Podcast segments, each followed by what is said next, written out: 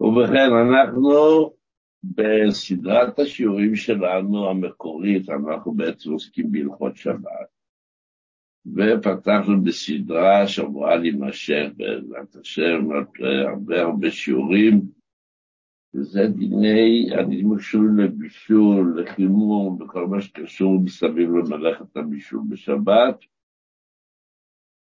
וכפי שאנחנו נוהגים כשמגיעים זמנים מיוחדים במעגל השנה, אנחנו לומדים את ההלכות הקשורות לאותם הזמנים. ולכן, כאשר הגיעו ימי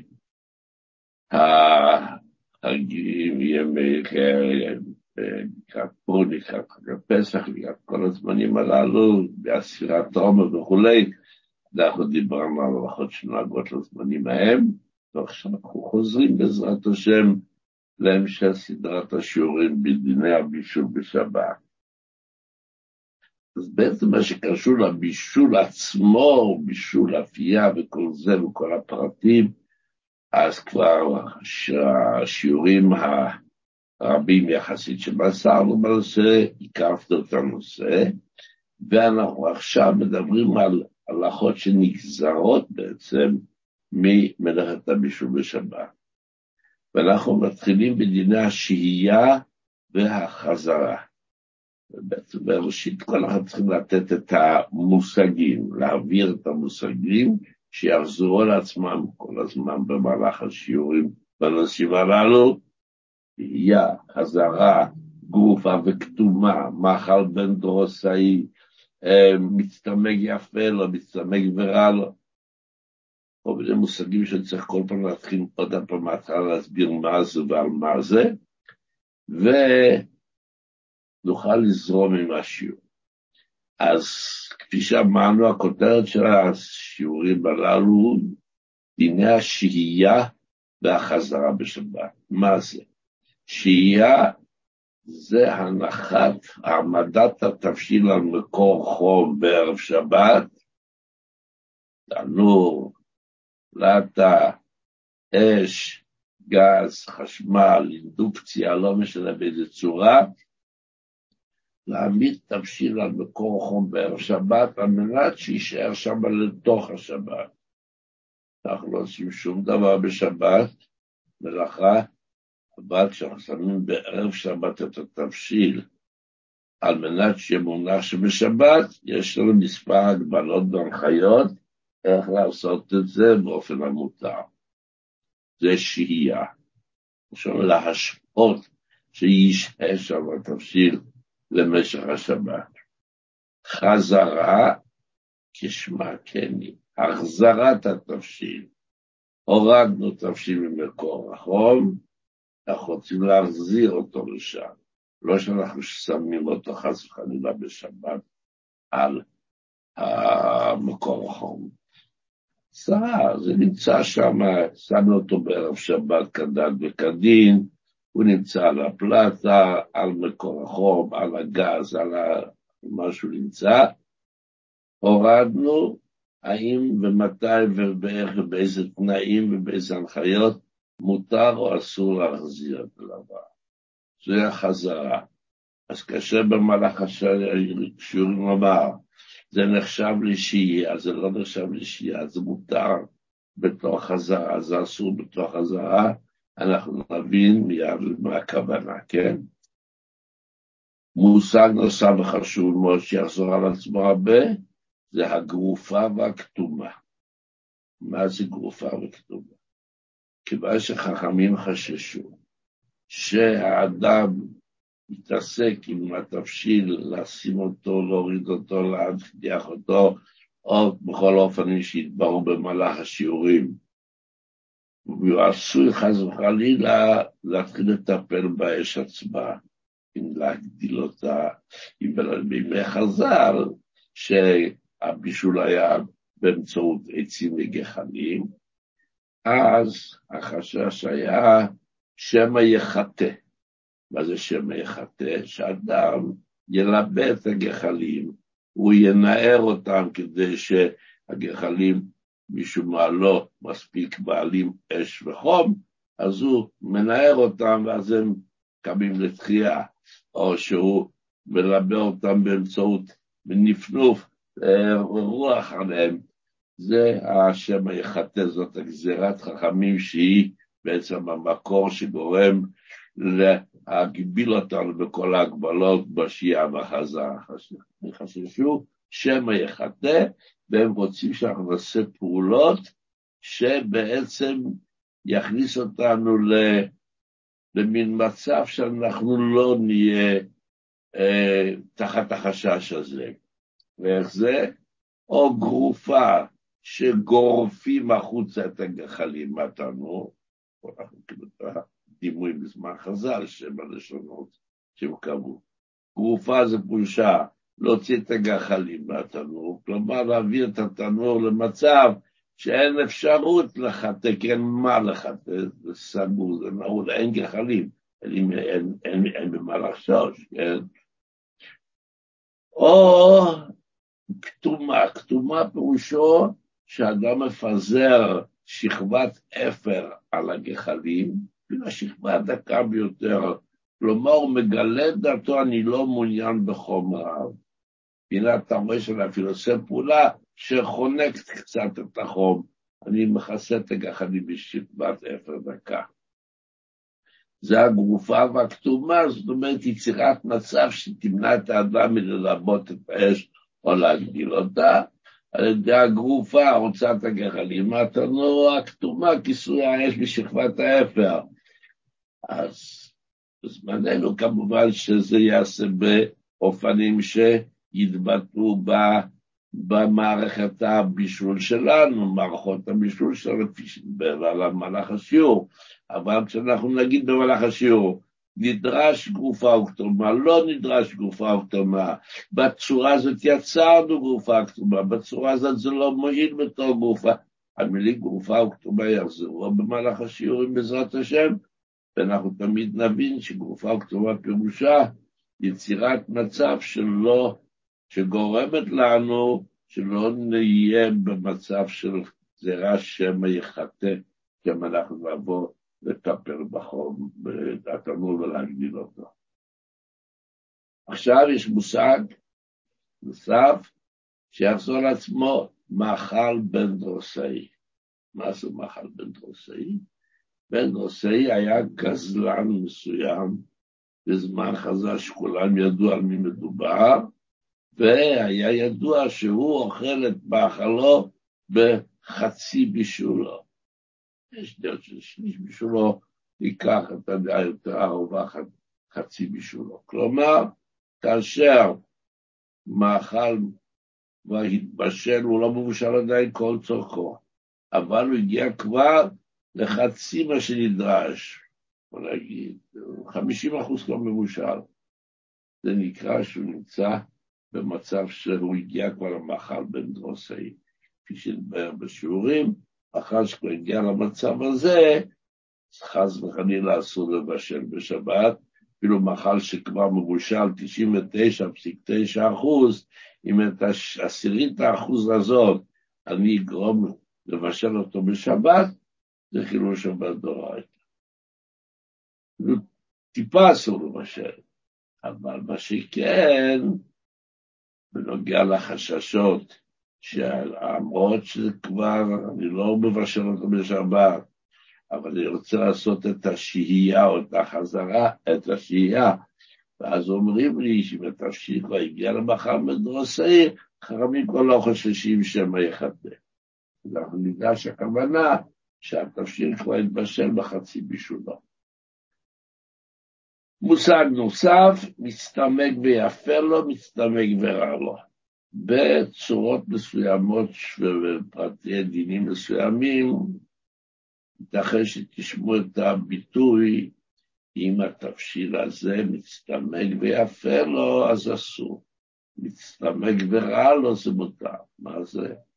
מצטמק פירושו של תבשיל, למרות שהוא כבר מבושל כל צורכו. אבל ככל שממשיך להתבשל, וזה מכונה בלשון חז"ל מצטמק, זה בדרך כלל טבעי, שדבר שככל שאנחנו ממשיכים לבשל אותו, עולה ומצטמק. המצטמק ויפה לו פירושו שהתבשיל הזה הוא נמצא אצלנו במצב שיפה לו פירושו, לא יפה לו לתפקיד, יפה לאדם. האדם מעוניין, וזה עושה לו טוב, שהתפשיל ימשיך להתבשל, למרות בשעה כל זאת. ככל שהוא מצטמק, יפה לו, זה טוב בשבילי. צמק ורע לו פירושו? לא. אני לא בשעה כל צורך, כן, אבל זה כבר מתבשל, שימשיך לבשל ולהצטמק זה לא טוב בשבילי. הדוגמה זה למשל מנות עוף.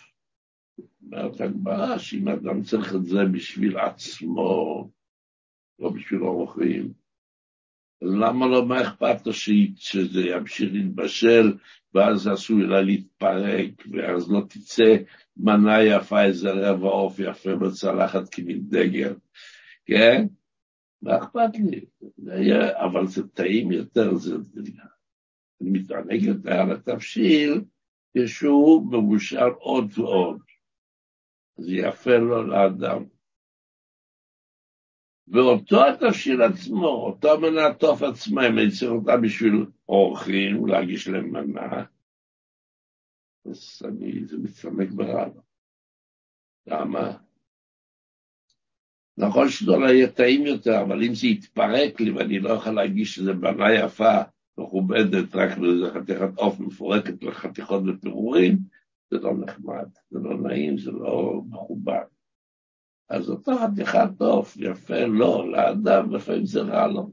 אז בזה תלוי לפעמים כאן כמצבים שונים, ושוב אנחנו עושים, עדיין לא התחלנו בפרטי הדינים, אנחנו נותנים רק את, ה, את המושגים.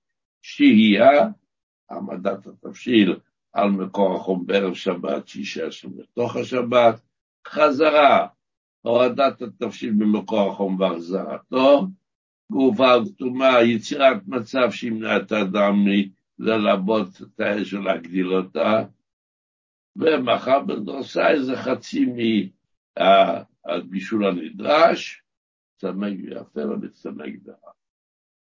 עכשיו באופן כללי, דיני השהייה בראש שבת באופן כללי, זה שלוש ארבע שורות, וכמובן הפרטים, שזה לא יספיק השיעור של היום, צריך זה עוד שיעור שלנו. באופן כללי זה ככה, אדם שבא להשהות תבשיל או מים לצורך השבת, חכמים חששו שברצותו לזרז ולמהר את הבישול, הוא יטפל באש, להגדיל אותה. מה שנקרא, כפי בלשון חז"ל, שמא יחטא. בתקופת הבישול הגחלים, שם אנחנו נחטא את הגחלים כדי להגדיל את רמת החום. כן?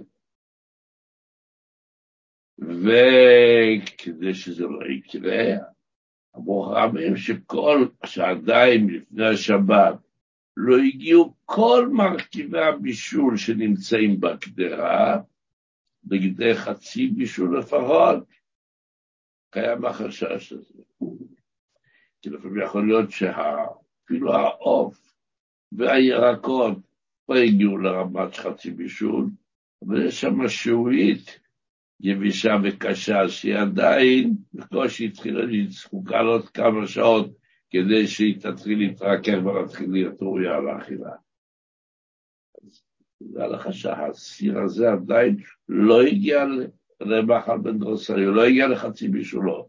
למה? כמעט הכל כבר מאושר פה, יש פה כמה פריטים קטנים, כן, כן.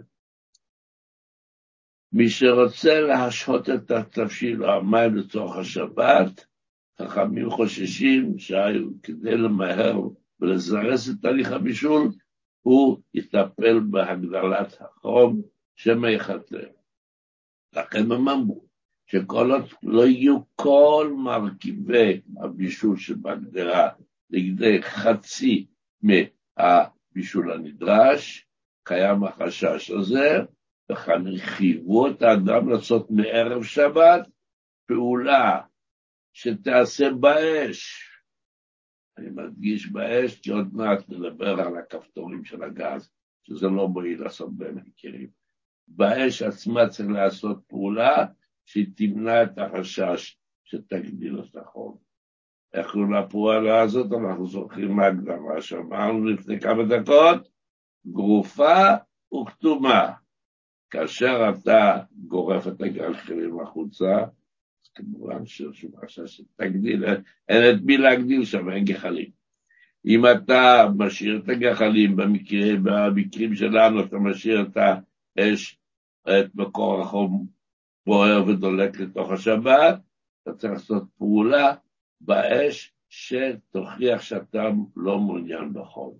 איך נעשה את הפעולה הזאת? על ידי, בזמן חז"ל, על ידי כתומה, על ידי פיזור שכבת אפר, דקה, שהיא באמת, בגלל דעתי, היא מקטין בזמננו זה יהיה הבלך, מה שקוראים לזה, כיסוי האש וכיוצא בזה שיתבהר להרע.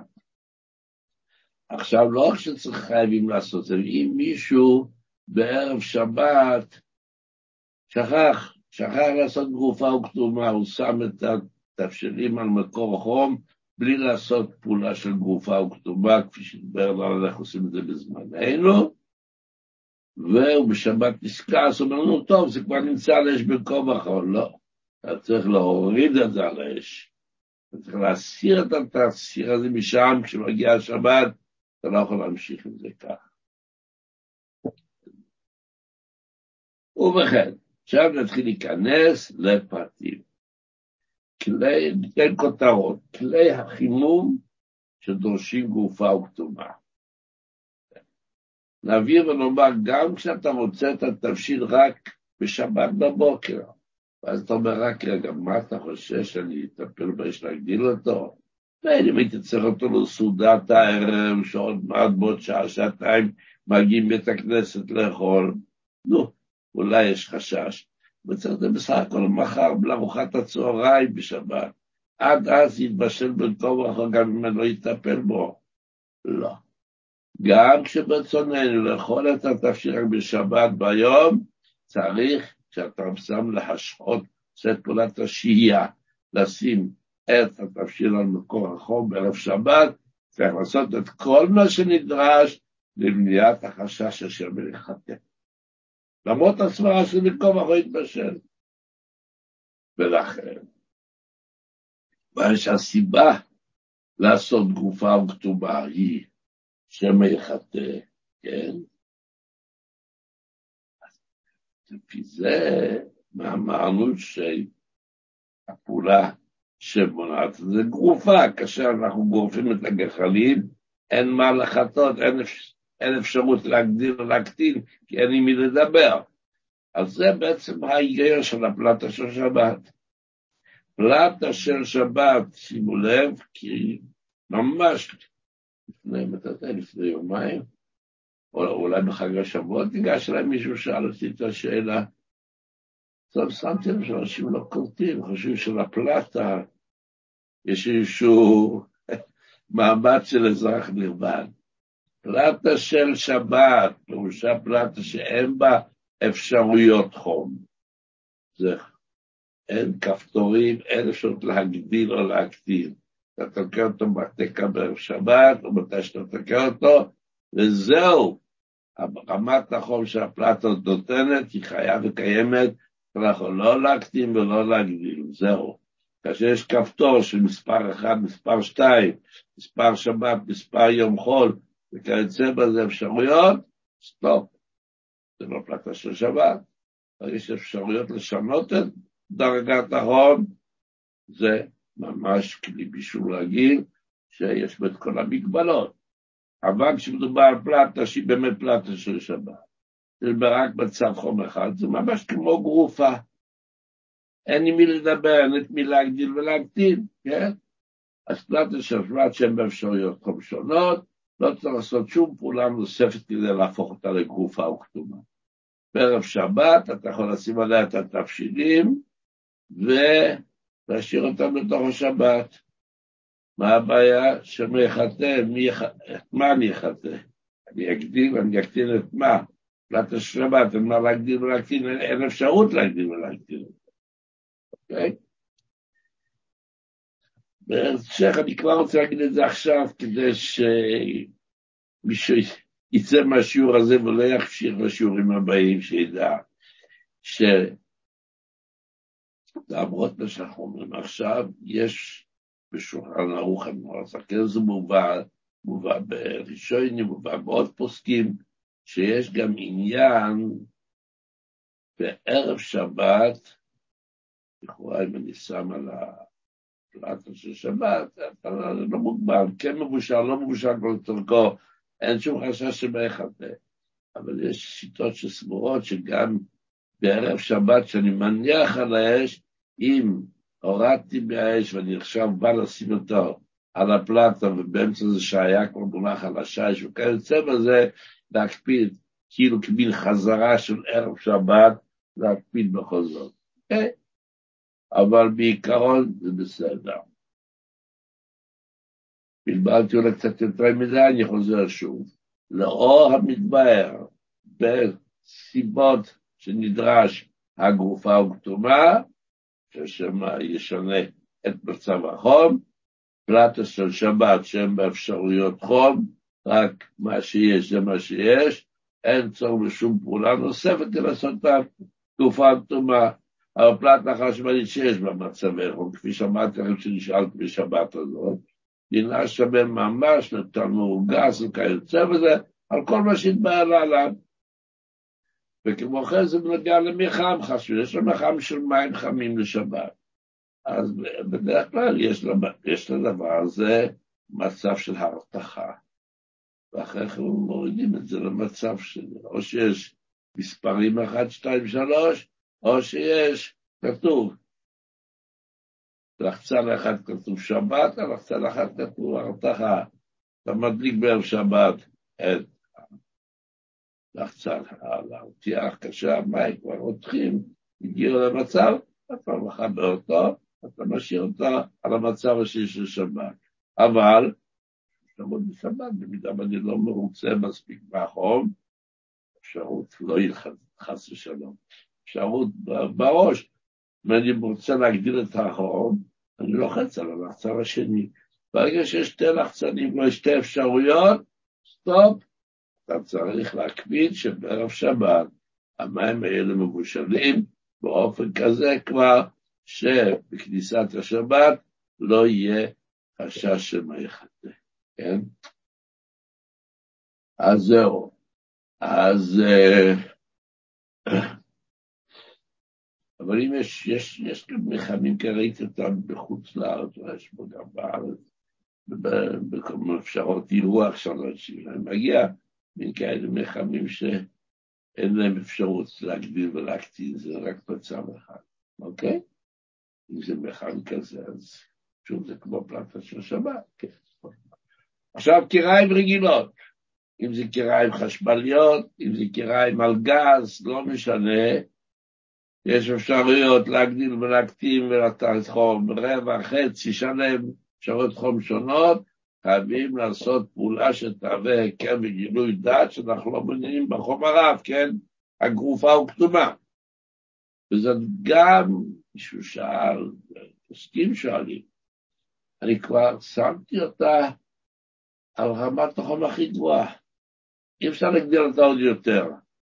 גם אז אני צריך לעשות כל האפשר, את התקופה הכתובה, התשובה היא כן, וכיוון שהשיעור שלנו מוגבל בזמן, אני לא אסביר לכם מדוע ולמה.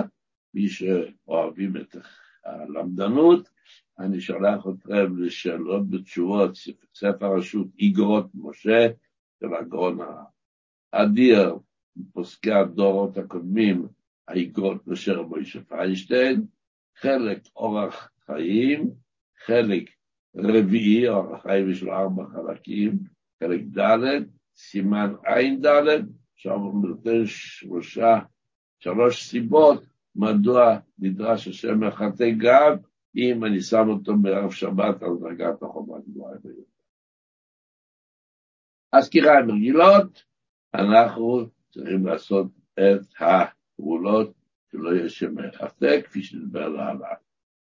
יש את ההגדרה מחודשת יחסית, כן, לחימום איטי של החמין, מה שקוראים בשפות זרות קרקפט, סלואו קוקר, זה כלומר, זה מין, בעצם איך זה בנוי, יש את ה... זה כאילו סיר בתוך סיר. יש גדרה חיצונית כזאת שהיא מתכת בדרך כלל, שיש בה את אה, חשמל האלה, המחממים, הספירלות האלה, שתמונות בתוך הדפנות, אנחנו לא רואים אותן, זה לא נמצא רק למטה, מחמם מלמטה. בכל הצדדים מסביב בדפנות זה נמצא, בתוך זה יש קדרה נוספת, כאילו מחרס, מאבן וממה, שמוכנסת לתוך הגדרה הגדות הכללית, והיא מחממת לאט לאט, היא יוצרת את השורט, את החמין המוצלח. סלואו קוקר, במילים תרגום לעברית, מחמם איטי לאט לאט. מה זה קרק? פרט פרט זה סיר.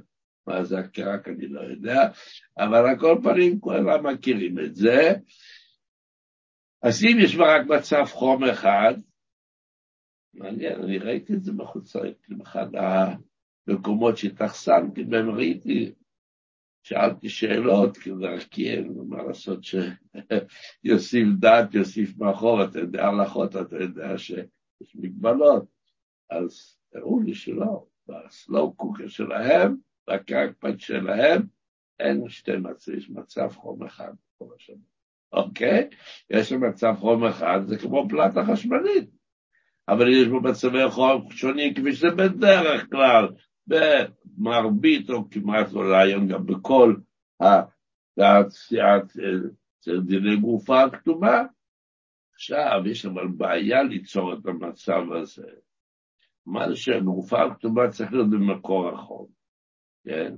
אם היה מספיק לטפל בכפתורים מבחוץ, הייתי מכסה את הכפתורים במשהו שיגרום לי תזכורת היום שבת. אבל זה לא עוזר. בדיוק כמו שלא עוזר מי שיעשה, ישים פתק גדול, יכתוב שבת היום, וישים אותה ליד התנור, על שלט, לא נמצא בשום פוסק מהפוסקים שיגיד שזה עובד דבר כזה, למרות שידעו קרוא וכתוב גם בזמן חז"ל. ואמרו, אתה יודע מה? תרשום, שבת לנו, כדי שלא תעשו לי גרופה וכתובה, לא? זה לא זה צריך לעשות פעולה במקור החום, שאתה לא תבוא לגעת בו. אוקיי, אז מה אנחנו עושים? כשאנחנו מדובר על תנור גז או תנור חשמל, אנחנו, כפי שדבר בהמשך, אנחנו עושים את הגוף הכתובה על ידי שמכסים את מקור החום על באמצעות איזשהו בלך או משהו, שזה במקום שפיכת האפר הכתומה שהייתה בזמן חז"ל, אבל פה זה לא רק מלמטה, כפי שאמרנו, אם מקור אומר בתחתית הכפר, הייתי שם שם איזה חתיכת פח, ושם עליו את התנור. אבל זה גם בדפנות נמצא מקור חום. אתה צריך משהו שיכסה גם את הדפנות. אבל זה בעייתי. למה זה בעייתי? כיוון שהמרחב שבין הסיר הפנימי לחיצוני, כדי שהוא יקבל את החום מהחלק החיצוני שם נמצא מקור החום, לא מרחיקים אותו באופן שיהיה מרחב תימון שם, זה כמעט, כמעט נוגע בו, לא ממש. כן, לא להכניס ולהוציא, זה לא נכנס בכוח. אבל ברגע שאתה תצפה את הקירות, את הדפנות הללו בנייר כסף, תבוא להכניס את הסיר החיצוני פנימה, זה צריך לדחוס אותו. ברגע שזה קורה, אתה נמצא במצב של הטמנה. יש לך את המקור החום, יש את הבלך הזה שהוא נוגע בסיר, אם הוא נוגע בשניהם, אז זה נקרא מצב של הטמנה. והטמנה על מקור חום, אין גרופה או כתומה, שום דבר, זה לא עוזר.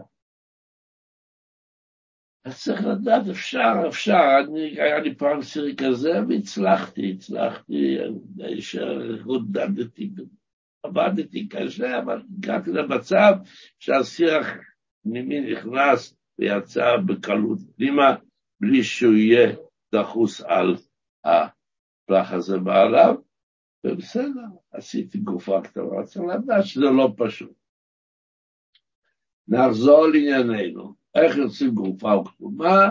אז כפי שאמרנו, כיום נהוג לכסות את מקור החום באמצעות איזשהו טס מתכת, פח, או כיוצא, אה, או אפילו, או כותבים בסביב שאפילו נייר כסף, לא דק מן הדק, אולי שיש בו איזשהו קצת ממשות, אז גם כמו היא לכסות את מקור החום בנייר כסף, זה גם כבר נחשב כמו כיסוי הגחלים עם שכבת אפר דקה שהייתה בזמן חז"ל, שעניינו של הטס מתכת הפח מכונה ביידיש פירושו בלך, בלך פירושו פח ביידיש, אבל גם כשלא מדברים יידיש, לפעמים כותבים או שואלים אותי, לגבי בלכט עם ט' בסוף? כן, לא מדברים את השפה, אבל הבלך הזה פירושו פח, טס מתכת פח כיוצא בזה, שעניינו להפסיק בין האש, או מקור החום החשמלי, הספירלות האלו, לבין הסיר של התבשיל. וזה אומרים גם אם זה פח דק ביותר, אבל נוהגים להרבות אותו קצת, אם זה ממש נהיה כסף דק מאוד, אז נכפיל אותו, וככה נכסה את מקור החום, שיקבל איזושהי משמעות. אה, כן. אז יש פוסקים שאומרים שאם אתה מכסה רק בנייר כסף, שזה ממש לא משמעותי, כי החום ממש ממש אותו דבר, תעשה פעולה נוספת, אני מדגיש נוספת, בכיסוי הכפתורים. למרות שכיסוי הכפתורים בעצמו לא מהווה כפי שאמרנו, אבל בצירוף, כאילו מין תנא דמסייע לך, משהו שעוזר עוד יותר, כי יש פוסקים שחושבים שכיסוי בני הכסף זה בעייתי, הוא לא ממעט את החום כמו שצריך, אז כדאי להוציא גם ככיסוי גם, אוקיי? יש, שואלים על תנורי אינדוקציה, יש פטנט חדש שגורם להמון בעיות הלכתיות. בשימוש היומיומי הרגיל זה מצוין, אבל כשמתחילים לדבר על שאלות, מה, אפשר להגיד את זה? לא, אי אפשר. כל מיני שאלות שנשאלות, אז זה יוצר בעצם בעיות, אז גם כן פה הבעיה עם גופות כתומה, איך עושים את זה? אז ראיתי שאני מקבל מהמכון הטכנולוגיה ההלכתי של הרב אלפרין, אני מקבל ממנו את ה... את ה... או פעם, בכמה חודשים הוא שולח גיל, גיליונות של חידושים שהם מתעסקים בהם, אז הם, יש להם משטח, הם, אישרו והמציאו, עזרו להמציא משטחי סיליקון מיוחדים שיכולים לשמש הפסק לגוף הכתומה, מצד שני הם מאפשרים את המשך פעולת התנור. אל תשאלו אותי וכמה ולמה, כי אני לא במכון הטכנולוגי, אבל יש דבר כזה, תבררו ותעשו כל אחד בשביל שאלה מעניינת. יש אנשים שמשתמשים בפח מה שקוראים בלך כזה קבוע, במשך השנים נביאים חורים בתוך הפח הזה, מרוב שימוש, מרוב אש שדרכה על זה, והשלבת יוצאת דרך החורים ונוגעת בגדרה. אז כמובן ש... שאם זה רק חורים, אז זה נחשב עדיין כיסוי שמועיל, כי בכל זאת הוא מעכבת, אבל אם יש שם חור רציני, שהשלבת יוצאת ממש ונוגעת בגדרה, זה לא נחשב היכר בכלל. עכשיו, הכיסוי הזה של הפח שמכסה את המעבר, כיוצא בזה, לא צריך שיכסה את כל התנור, צריך לכסות את החלק של האש. בוא נגיד, שחס פה סיר, והאש היא בגודל כזה. מספיק שתשים איזשהו אני יודע, הורדתם באיזושהי קופסת שימורים את חתיכת הפח מלמעלה, תשים אותה, העיקר שהאש לא נוגעת בתפשיט, בסיר. האש מכוסה לגמרי. היי, המשך הסיר שהולך, ממשיך הלאה, אין לך על כל הסיר כיסוי, יש רק, והכיסוי צריך להיות בין, ההפסק צריך להיות בין מקור החום, כן? דיינו שהוא מכסה לגמרי את המקום שהגדרה מונחת שם, שיש לו, שמקור החום לא ייגע בתבשיל.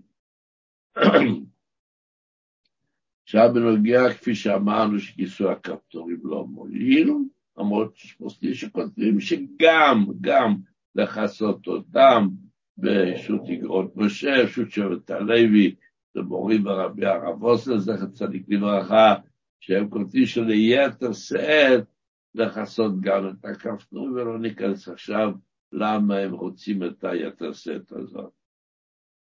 כל פנים, שאמרנו, גם אם תדביק את הכפתורים בנייר דבק או שתנעל אותם במנעול, זה לא מועיל, צריך לעשות את האש עצמה. מה קורה אם הכיסוי נפל ממקומו אחרי שהנחנו אותו?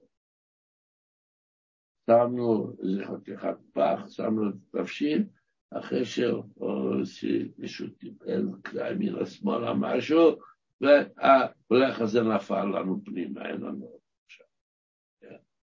אז בגמרא כתוב שאם אחרי שעשו את פעולת הקטימה, אז גם כן דבר כתוב, שכיסינו בשכבת אפר, האש התגברה על העבר, ושוב היא ממצבצת החוצה עם כל השטורם.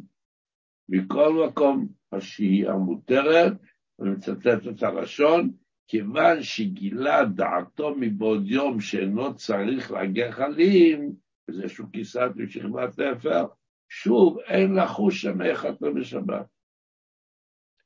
הפוסקים דנו שגם בנוגע לבלך, אם שמנו אותו, ואחרי כן במהלך השבת הוא נפל, אחרי ששמנו את הצייה על האש. אם זה קרה אחרי שכבר שמנו את הגדרות על האש, לא צריך לשוב ולהחזיר למקומו.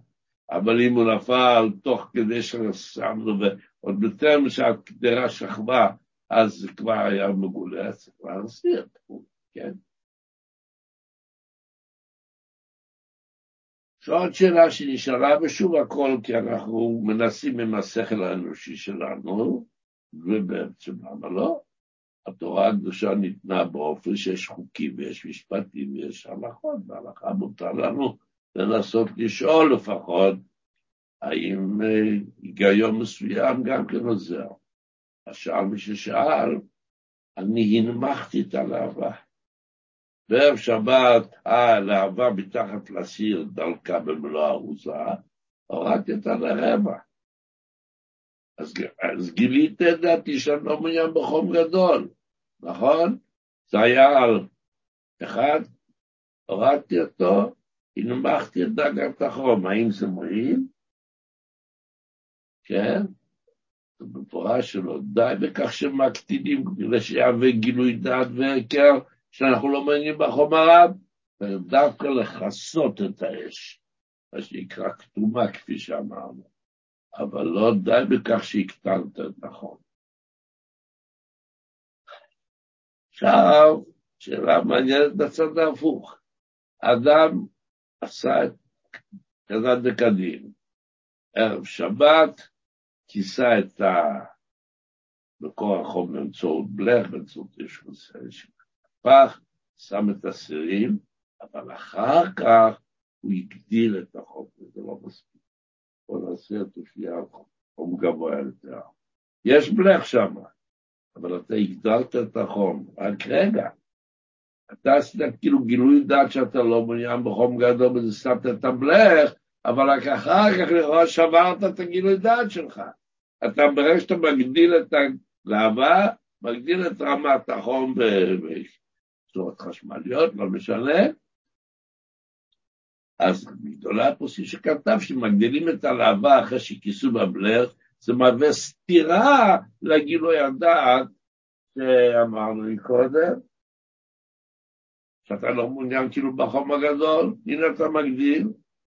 אז בעצם אני בספר מדבר, יש את סדרת הצבאי שבת כהלכה, שהקדוש ברוך הוא זיכה אותי לחבר, אז בחלק הראשון שעוסק בדיני הבישול והשיעה בחזרה, אני מדבר שם על הנושא הזה, ואני דן בו, ואני מגיע למסקנה שלכתחילה לחשוש לדעת הפוסק הזה, אבל בשקום הצורך, אז אפשר גם כן להכיר.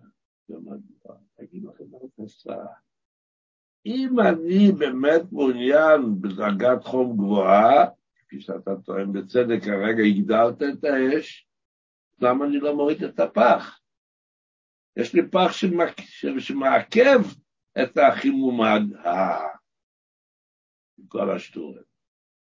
נכון, מצד אחד אני עשיתי פעולת סתירה, שמתי פח להקטין את רמת החום שבין התפשיל למקור החום, אבל אחרי כן הגדלתי את האש. נכון. אבל רק רגע, מה אתה אומר לי? אתה כבר לא, אין לך גילוי דעת שאתה לא מעוניין בחום. למה אין לי? אני השארתי את הבלך. אם אני באמת מעוניין שדרגת החום תהיה עם כל השטורם בלי שום עיכובים, אז אני גם צריך להסיר את הבלך שהאש תלך ישירות להסיר. לא עשיתי את זה, נכון? אז הנה, לא עשיתי את זה, אז זה עצמו מהווה עדיין גילוי דעת. לא? אז שוב אני אומר, לכתחילה לחשוש לשיטה הזאת ולעשות עוד הפעם, להסיר את לשים אותו מחדש ולעשות עוד הפעם את כל התהליך, אבל אם לא, אז גם כן אפשר לסמור במקום הצורך. Oh, עכשיו אתם, אני רוצה רק להוסיף, דיברנו בנוגע לקרקפת, אמרנו שיש לו בעיה בנוגע לעשות אותו גרוף אוקסטרומה לשים בלך, כיוון שהמקורות החום, הספירלות נמצאות לא רק בתחתית הקרקפת, אלא גם בדפנות, צריך גם כן בין הדפנות להסיר לעשות. צריך לדעת שגם כן, מי שרוצה לעשות להשאיר לשבת בתוך התנור עצמו, כן? יש לו תנור כמו תנור אפייה, ובתוך התנור רוצה להשאיר את התבשילים לשבת, אבל הוא יודע שצריך לעשות על כתומו, כיוון שהתבשילים נמצאים במצב שעדיין דרוש על כתומו, אז איך הוא יעשה את זה? אם הוא יגיד, אני שם בלך על ה... על ה... על ה... היית לנו על התאים השונים, זה לא יעבוד. למה? כיוון שהחום בתנור גם כן לא בא רק מלמטה. בדפנות של התנור יש את הספירלה בתוך הדפנות שמכוסות יפה בכיסוי דקורטיבי, אבל מתחתם שם יש את מקורות החום. אם אתה רוצה שזה יהיה אוקטום או לעשות הפסק בין מקור החום לאסירים, אתה צריך לכסות את הדפנות של התורה.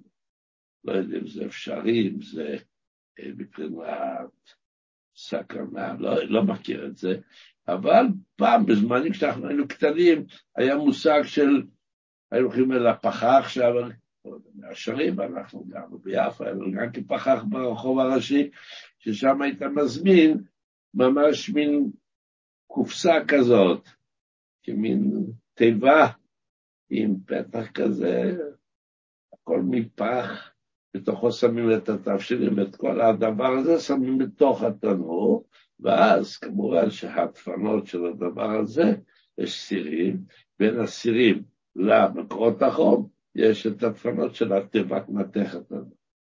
נו, מי שרוצה יכול לעשות את זה, בבקשה, אבל להבין שלשים רק על הקרקעית, זה לא יעזור, כיוון שצריך הפסק במקורות החום, מקורות חיצוניים גם בקירות. אני רק רוצה לסיים את הקטע הזה, יש כאלה שמשתמשים במצב שבת. תנור חשמלי שיש לו מצב שבת. ראיתי, אני מביא את זה בספר, ראיתי שיש פוסקים שאומרים, או יופי, אתה מסורת על המצב שבת, זה כמו פלטה שיש בה רק מצב חום אחד, נחשב גוף הכתובו. לא כתוב בשום, גם בשמירת שבת כהלכתה, אבל זה לא ברור הדמיון לפלטה. בפלטה אי אפשר בכלל לשנות את מצב החום.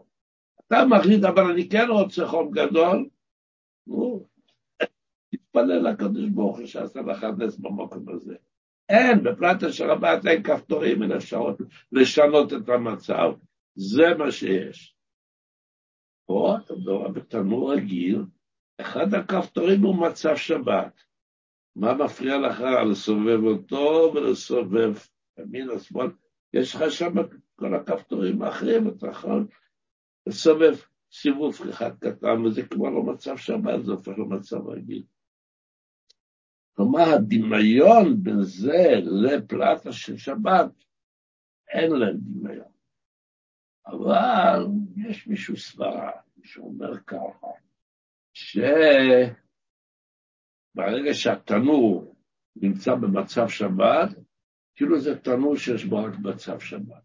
זה שאתה יכול לסובב אותו למצב חול, זה כאילו אתה הולך לקחת את התנור ולחבר אותו למק... למקור חשמלי אחר. אתה מנתק אותו מפה, לחבר אותו לתנור חדש. אתה יוצר תנור חדש. לא, זה אותו תנור, לכן אני צועק שזה לא אותו דבר. לקחת ותוציא את התנור הזה, לעשות לתנור אחר, זה דבר אחר.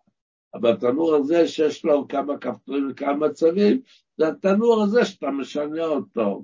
מאוד לא פשוט, מאוד לא פשוט. צריך יום גדול מאוד לסמוך על הדבר הזה. אני בספר כותב, בפירוש לא לסמוך, לעשות את כל מה שנדרש בגוף ותקומו, גם בתנור שיש בו מצב שבת, מצב שבת עצמו לא עובד. ובעזרת השם בשיעור הבא. שכפי שאני לא ארפה מזה ואחזור שוב ושוב, שאנחנו מאוד מקווים ומצפים ומחכים ומתחננים שכבר יבוא משיח צדקנו, שבפירוש נאמר שילמד תורת כל העם כולו, שהוא יספור את כל השיעורים, את כל ההלכות. אבל אם חס וחלילה להתעכב, ברוך יעזור לנו בבריאות נכונה, שנמסור את השיעור הבא, ואז נמשיך לדבר על מצבי התבשיל, מתי דורש תקופה או כתומה, ואיך נדבר גם על דיני החזרה בעזרת השם, ולהשם הישועה, כל תופסל.